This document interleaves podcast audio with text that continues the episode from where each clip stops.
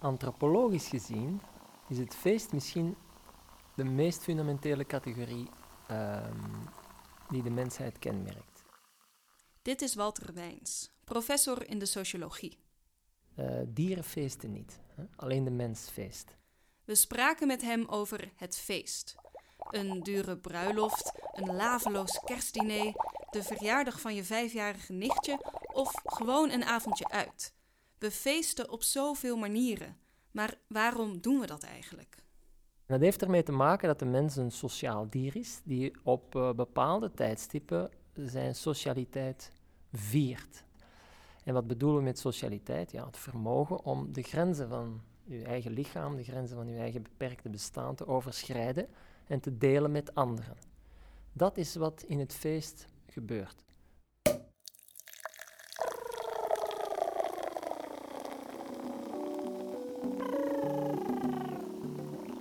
Welkom bij Roes.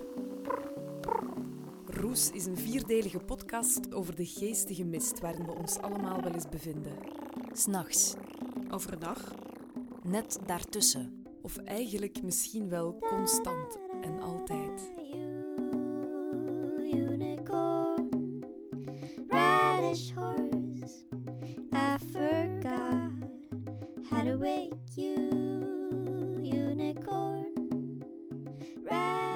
audiocollectief Schik. Schik bestaat uit Siona Houthuis, Mirke Kist en Nele Eekhout. In deze aflevering feesten we om te leven en onderzoeken we hoe sommigen datgene in de roes vinden wat anderen enkel bij een therapeut zoeken. Aflevering 2. Feesten om te leven.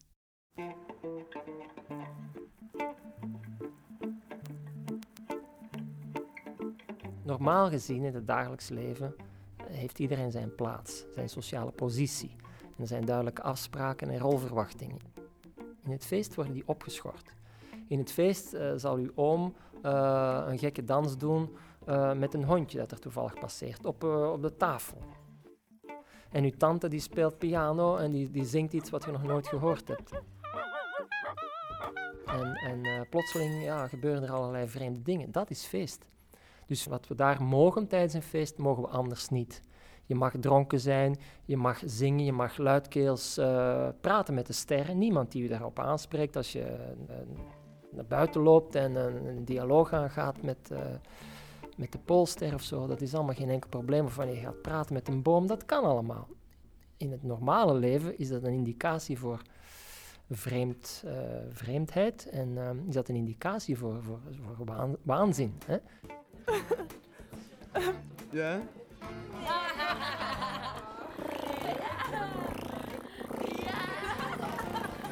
Je zou een feest kunnen vergelijken met een, um, een soort oersoep, hè, waar alle mensen worden ingegooid en waar ze dan goed en wel koken en dan zo uh, ja, uh, een beetje liggen te sudderen en dan weer uitkomen.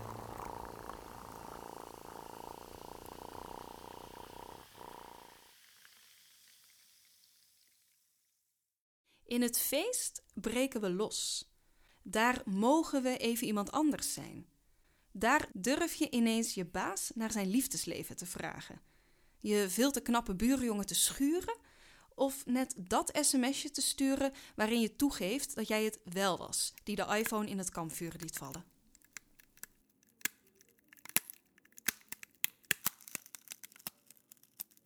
Stel nu dat je niet feest, dat dat niet zou bestaan, ja, dan zou je onvermijdelijk vallen in routine. En dan zou iedereen altijd op dezelfde plaats eh, blijven zitten waar je zit of waar je geacht wordt te zitten. Dan is het leven een gevangenis op de duur natuurlijk. Hè. Ja, dan, dan blijven wij te rationeel, laten we maar zeggen. Ratio betekent letterlijk het zien van verhoudingen, hè, van relaties. in het feest valt dat weg natuurlijk. Hè. Dan heb je geen verhouding meer, dan is alles mateloos. Uh, en dus ja, maar ja, dan ben je dan, dan besta je, weet je, tijdens het feest. Een rationeel wezen bestaat nooit helemaal, hè. Die bestaat altijd maar in rationeel beperkte zin. Die ziet alleen verhoudingen. Die is nooit volledig. Echt bestaan is iets raar, hoor. Ja? Echt bestaan, er zijn, dat is fantastisch, weet je.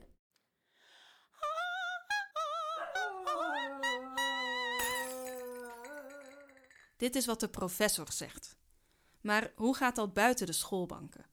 Deze jongen en dit meisje hebben het aan den lijve ondervonden. Ik herinner me dat we op een, een bankje zaten, een, een wit bankje voor een café. Zo'n een, een vervallen wit bankje. Dat café is dicht. We, we bleven met twee achter en Ik dacht van, eh, oeh, wat? hè? Jij, jij wilt ook niet naar huis. En, en die vriendinnen waren ook al weg. En ik dacht, wat doet die jongen hier nog? Waarom blijft die, blijft die vrouw ook hier zitten? Wat overkomt mij nu? Wat, wat gebeurt er eigenlijk? Oei, oei, hoe kan ik dit nu gaan? Nou, of wat is er nog interessant? En ik dacht, wilt hij, wilt hij mij nu kussen? Of wat, wat is dat? Wat, wat is dat hier echt? Ik heb- ben ook niet zo'n snelle of zo. Niks ervan. Weg. Ik moet hier weg nu naar huis. Ik heb een lief en dat kan allemaal niet. Maar ja, de, de volgende dag was het dan toch weer. eh, Wanneer kan ik die jongen weer terugzien? Ja, haar gezicht. Ja, gewoon haar gezicht. Ja. Ja, ja. Voilà. Nee, ja. Hij was 19, ik was 24, ik was vijf jaar ouder. Dat, dat was geen optie. En ik, en ik had een lief, mijn lief van twee jaar ouder. En, dus dat was geen optie, punt. En ik zei dat ook letterlijk tegen hem. Ik heb een relatie. Dat, dat gaat niet kapot gaan. Ik, ik wil daarmee trouwen met die jongen en kinderen krijgen. Mijn leven lag heel erg vast.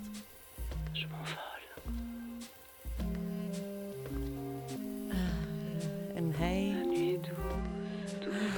Ja, haar gezicht. Ja, haar gezicht. Dat was wel zo... wow.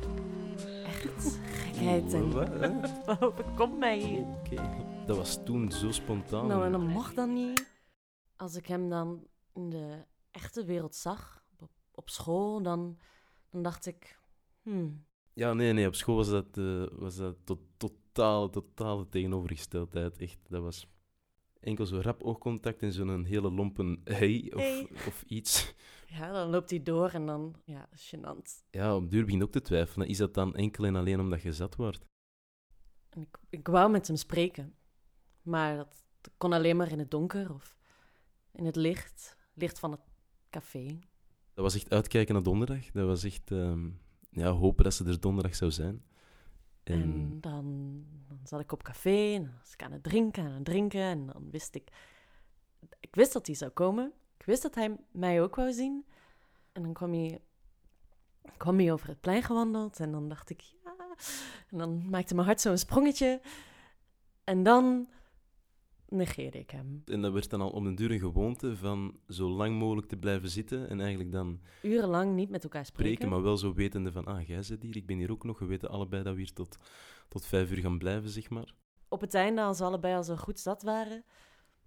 Dan Ehm, om dan weer uiteindelijk alleen met twee op een bankje te eindigen. En alle, allemaal verhalen kwamen boven. Zij begon over dat ze ooit flaporen had gehad en dat die dan eh, waren bijgewerkt.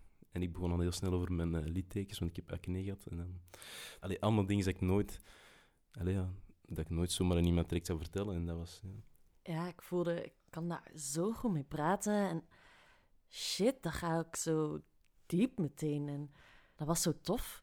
Ehm, en op zo'n avond zei ze ineens van, we waren naar huis aan het fietsen. ehm, zei ze, Ah, je hebt mijn appartement nog niet gezien. je zit er nog niet geweest? hè? Ja, nee, natuurlijk niet, nee. Kom toch gewoon eens kijken. En, en ja, oké, ik wil het appartement wel zien. En zo, al fietsend, zei ze ook, Ja, je gaat niet bij mij in bed slapen, hè? Gek, nee. eh. Je komt gewoon kijken en dan eh leg je wel je in de op zetel, ik wel in de zetel, dus oké, oké. Ça va, ça va. En dan thuisgekomen, ja, dat was heel duidelijk gewoon. Er werd niet meer over die zetel gesproken, eh, dat was direct gewoon... ehm,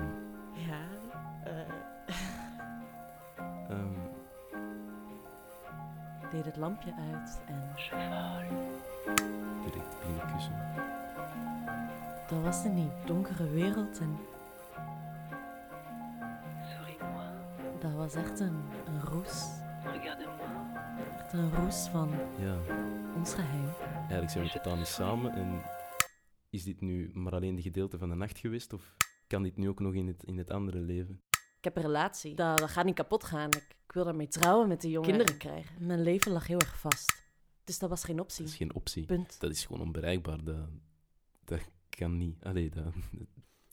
En... Ja. Het was nooit gebeurd, was ik niet dronken geweest. Nooit, nooit had ik die grens overschreden. Ik had dan nooit durven dromen dat dat ooit mijn lief zou zijn. Eh, Echt, echt niet. Voor mij toen echt. Echt was de nacht. La nuit mène une existence obscure. Dan, dan was ik zo op mijn gemak en. Dan was ik zo gelukkig.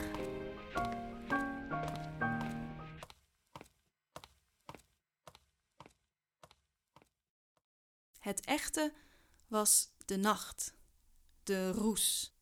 Maar dit is niet wat onze moeders ons leerden. Het feest is niet het echte leven, zeiden ze. Het feest is een vlucht, een illusie. Illusie. Maar is er een illusie aan? Eh, kijk, wat is illusio? Ik zal het nu een keer uitleggen. Hè. Illusio wil zeggen, dat komt van, het, eh, van eh, ludere, spelen. Dat wil dus zeggen dat je in een soort, eh, dat je in de mening vertoeft dat wat je ziet rondom je, dat je dat ernstig moet nemen. Eh, dat je dat gelooft. Dat is een illusie. En een illusie, eh, je kunt geen sociale orde overeind houden zonder illusie. Als je geld gebruikt en betaalt, wat is dat? Je neemt een stukje papier en geeft dat aan iemand en die zegt, ah, 5 euro. Wat is dat eigenlijk? Als u huwt met iemand en u zegt, ja, wacht even, wat is dat voor een illusie? Als u een adres hebt, u zegt, ik woon in de Sint-Jacobstraat nummer 2. Wat betekent dat eigenlijk? Dat zijn allemaal van die verzinsels. Ah, eigendomsbewijzen, wat is dat voor iets? Een naam. Wat, wat zijn dat voor illusies? Wie heeft dat allemaal verzonnen? Natuurlijk, het sociale leven is één grote eh, illusie. En zonder illusie geen sociale orde natuurlijk. Eh, dus ja, als u mij vraagt, is het feest een illusie? Wel, eh, ik zou denken, het feest is misschien de enige uitstap uit die illusie die wij daar dagelijks eh, overeind houden. Met al die verzinsels en al die zogenaamde pogingen tot orde. Het feest is gewoon de herbronning van, ik herhaal het, van dat wat er is. Feesten is niet vluchten, zegt de professor. In de feestroes verleg je grenzen. Neem je beslissingen die je in je nuchtere eentje nooit had genomen. We hebben soms een duwtje nodig. Een lichte waas. Een stevige roes die alles in één klap helder maakt. Als we het zo bekijken, dan kunnen we de roes gebruiken als een alternatief voor de traditionele psycholoog of psychiater. De roes als therapie. Er staat een emmer. Ik bedoel, het is oké nu om te kotsen. Het is niet een dronken avond waarin dat je niet mocht kotsen omdat je dan een loser bent. Je hebt al tien mensen horen kotsen. Kots nu gewoon, Laura. Diep in de nacht, in het vochtige Amazonewoud, drinken leden van inheemse stammen een bitter drankje. Ayahuasca, de slingerplant van de ziel. Dit theetje wordt niet enkel in het regenwoud gedronken, maar ook op zolderkamers hier in Nederland en België. Het neemt de gebruikers mee op een hallucinogene reis waar ze hopen gezuiverd uit te komen. Het is meer dat eh, de mensen die ayahuasca doen, gaan daar naartoe met een vraag. Ik ben ook gegaan met de vraag van, wa- wie, wie ben ik eigenlijk? Wa- waarom zou ik nog verder leven? Of waarom besta ik? Of ja, heel filosofisch, maar of wat moet ik nu verder doen om mij gelukkig te voelen? We waren met een stuk of twintig en we lagen in een kring. Iedereen had dus zijn eigen donsteken, zijn eigen matrasje, zijn eigen emmertje. We leerden even de, de begeleiders kennen. Er waren er zeven, denk ik, voor twintig mensen. En dan eh, was de ceremonie. En dan begon met zo een liedje over een sailor die op reis gaat. eh, dus de wereld wil rondreizen. En dan, eh, voordat iedereen dus de toedie- toediening neemt, zegt iedereen tegen elkaar goede reis. En dan eh, komt de toediening. Er zijn drie toedieningen in, toedieningen in eh, totaal. En eh, je moet twee drankjes nemen. Dus het eerste drankje is een soort ontgifting. En dan moet je een kwartier wachten en dan krijg je het andere toegediend. En je krijgt ook iedere keer een, een, een maandje mandarijn van een mandarijn. Ik weet niet waarom, voor de smaak. Dat smaakt echt vies. Plots voelde ik zo wat tintelingen overal. En was ik zo aan het draaien. En ik was aan het kijken naar dat plafond. En dat plafond, dat kreeg alle soorten kleuren dat het maar kon hebben. En dan begon er zo op één punt begon er zo een gezicht te vormen. Een soort maskergezicht, maar niets eng of zo. En dat masker was zo heel licht paars getint met zo blauwe bolletjes. En die sprak tegen mij en die zei van... Je dacht dat erg ging zijn. Hè? En ik zei ja. En hij zei, maar het is zo mooi. Waarom zit je zo, waarom zit je zo verwrongen met jezelf? En op een gegeven moment kwamen zo mensen die ik kende uh, tevoorschijn op dat pad waar ik op aan het wandelen was. En uh, ik weet niet of je in Harry Potter hebben zo patronusbezweringen. Uh, Harry Potter maakt zo'n hert naar zijn moeder. En ik was voor iedereen een patronusbezwering aan het maken. Voor mijn moeder was dat een koala en die was aan het springen zo in de bomen. En die riep zo van kom, kom, klimmen, klimmen. En op een gegeven moment kwam er ook zo een struikgewas en dat was wat donkerder. En uh, ik was zo in dat struikgewas, was ik zo die takken omver aan het doen en ik zag er zo een kleine glazen baby in zitten, die zo met lichte vonkjes vuur... Allee, dat, was, dat was heel raar. En op, ik, ik zag daar alle soorten mensen in. Dat veranderde constant van gezicht wie dat zou kunnen zijn. Maar uiteindelijk zag ik mezelf erin. En dan kwamen zo allemaal beelden van, ja, van mezelf in, over mijn lichaam en over, over hoe andere mensen naar mij kijken. En als andere mensen erbij komen, dat dat zou barsjes maken. Dan zeg je dat ook zo tegen mezelf. Ja, ja, dat zou barsjes maken. We gaan dat niet laten doen. Hè. We gaan mensen geen barsjes laten maken. Hè. Of wel, of moet ik dat dan wel doen? Het is vaag, hè, maar zo van die dingen. Je zit constant in, in gesprek met jezelf daarover. Van moet ik dat dan doen en hoe zal ik dat dan doen? En misschien is het wel goed dat ik mensen laat barsjes maken in mijn glazen baby of zo.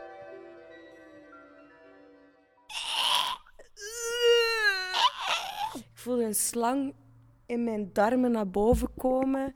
En uiteindelijk ja, overgeven, overgeven. En die geluiden die uit je komen, dat is niet gewoon kotsen, dat is echt zo...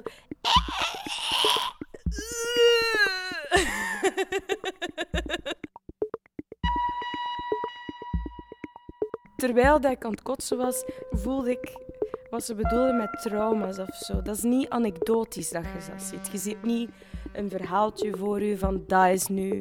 Dat is het niet, maar je voelt gevoelsmatig van waar het komt. Je weet, je weet van welke plek het uit je lichaam komt of zo. Ja, bij mij was dat iets van. Ja, liefde missen en veiligheid missen. En, en, en toch zo'n rebel die altijd mij neerhaalt en zegt van... Oh, en, en, oh, en harde emoties bij mij altijd. Ik ben altijd heel hard voor mezelf. Ik dacht dat het erg ging zijn. Wat ik ook heel raar vond, is dat je zo in je innerlijke wereld zit. Uh, dat, dus ze kwamen mijn nummer verversen en ze vroegen mij of alles oké was. Je kunt wel onmiddellijk reageren of zo. Dat is zo het rare. Je kunt heel nuchter denken. Dat is heel vreemd. alsof dat je meer nuchter kunt denken dan dat je in het echte leven bent. Want je bent ook overbewust. Als iemand binnenkomt, heb je dat onmiddellijk hoort en kijkt onmiddellijk.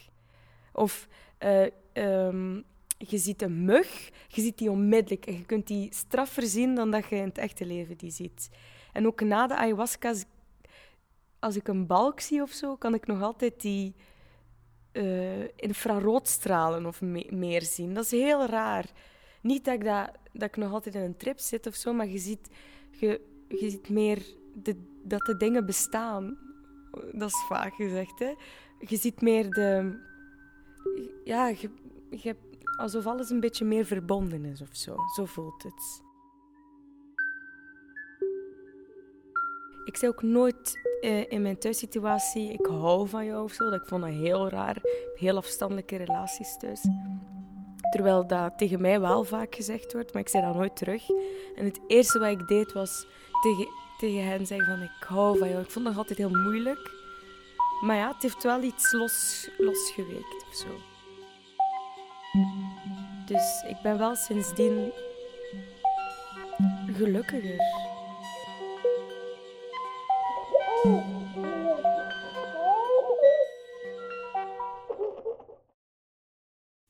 Heeft misschien niet iedereen het ervoor over om tien emmers vol te kotsen om zijn trauma's te verwerken, maar gelukkig zijn er ook nog andere manieren om dat te doen.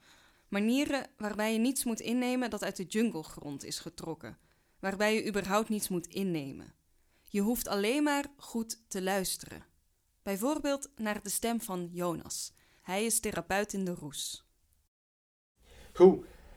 Moet naar rechter zitten, gemakkelijk. Voeten plat op de. Hoe luisteren naar mij, hoe volgen en hoe laten gaan. Ja, heb je nog vragen? Oké. Focus op puntje met vinger. Focus op puntje met vinger. Focus blijf behouden. Focus blijf behouden en sluit je ogen maar.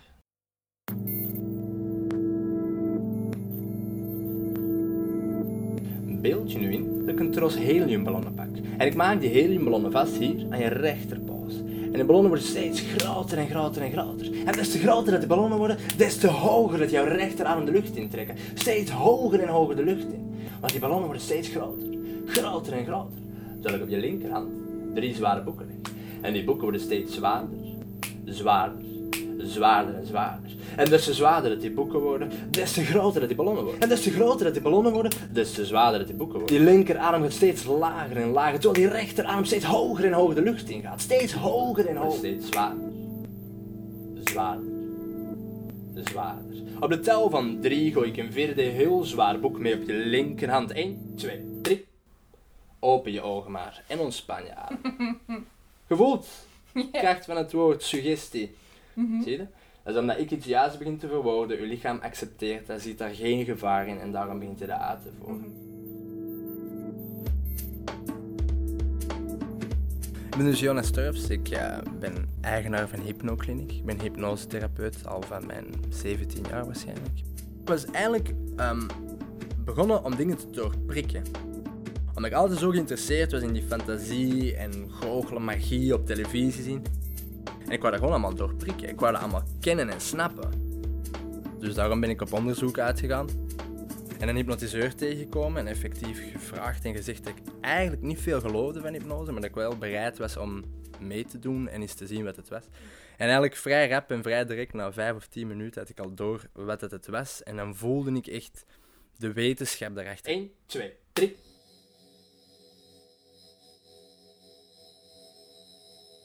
In de roes onder hypnose kan je alle veranderingen onbewust maken. Eetpatronen, verslavingen, roken, noem maar op. Alle onderbewuste patronen gaan we kunnen veranderen. Dus datgene wat nu voor u een gewoonte lijkt te zijn, die patronen gaan we doorbreken.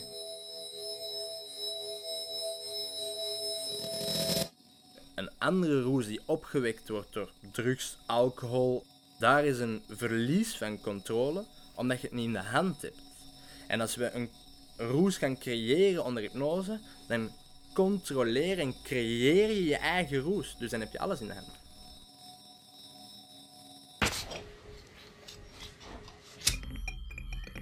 Ik breng mij elke dag in die staat. Na een tijd word je daar sterk in en dan heb je die techniek niet meer nodig. En je vrijwel direct toegang om een verandering te brengen. Of als je naar een tandarts gaat om je te verdoven, daar heb ik geen techniek meer voor nodig.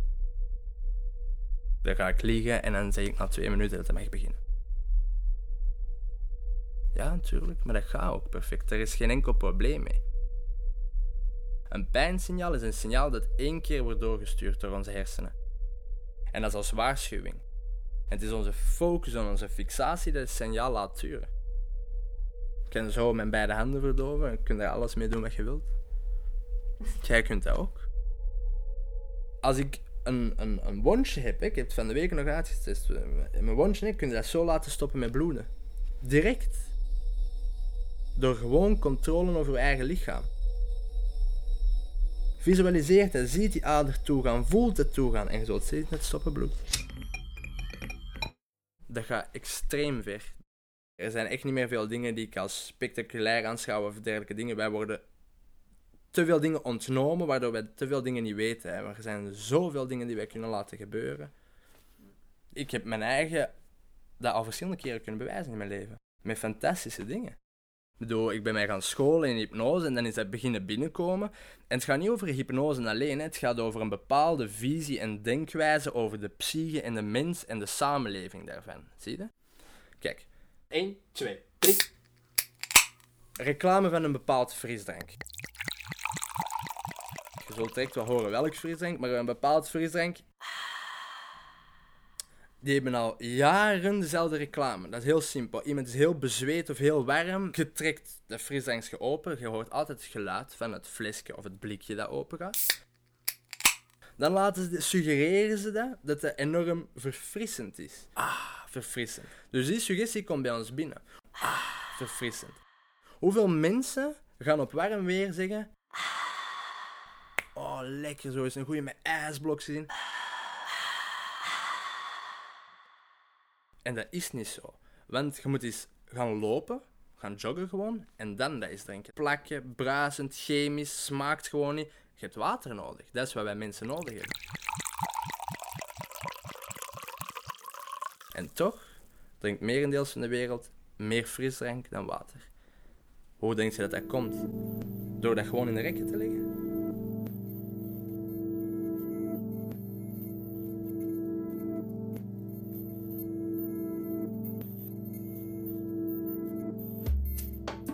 Televisie, reclame, radio, suggesties van buitenaf, hypes creëren.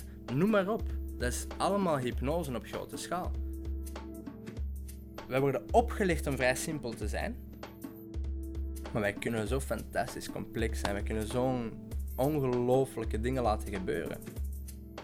Dat zit allemaal al in ons, maar door suggesties verandert dat. Ik kan nooit iemand veranderen, dat doet de persoon zelf. Ik kan er alleen voor zorgen dat het zo lijkt. Dat ik alle controle uitoefen, dat het lijkt dat ik een toverstok heb en als het ware het probleem wegwerk. Maar dat is het niet. De mensen doen dat zelf. 1, 2, 3. Een beestig vrijgezellenfeest. Een uit de hand gelopen babyborrel. Een jungle-ritueel. Een hypnotrip. Zonder de roes is het leven een gevangenis. Zit je vast. Net als je heupen op dit moment. Gooi ze los. I can shake my booty, baby. I can shake it real good. Dit was Roes. Roes wordt gemaakt door audiocollectief Schik. Schik bestaat uit Mirke Kist, Siona Houthuis. En Nele Eekhout. In samenwerking met VPRO Dorst. Volgende week hebben we het over drugsdealers. Maar dan niet de loesje figuren waarbij je in de auto moet stappen. Eentje die je altijd bij je hebt. Je eigen lichaam.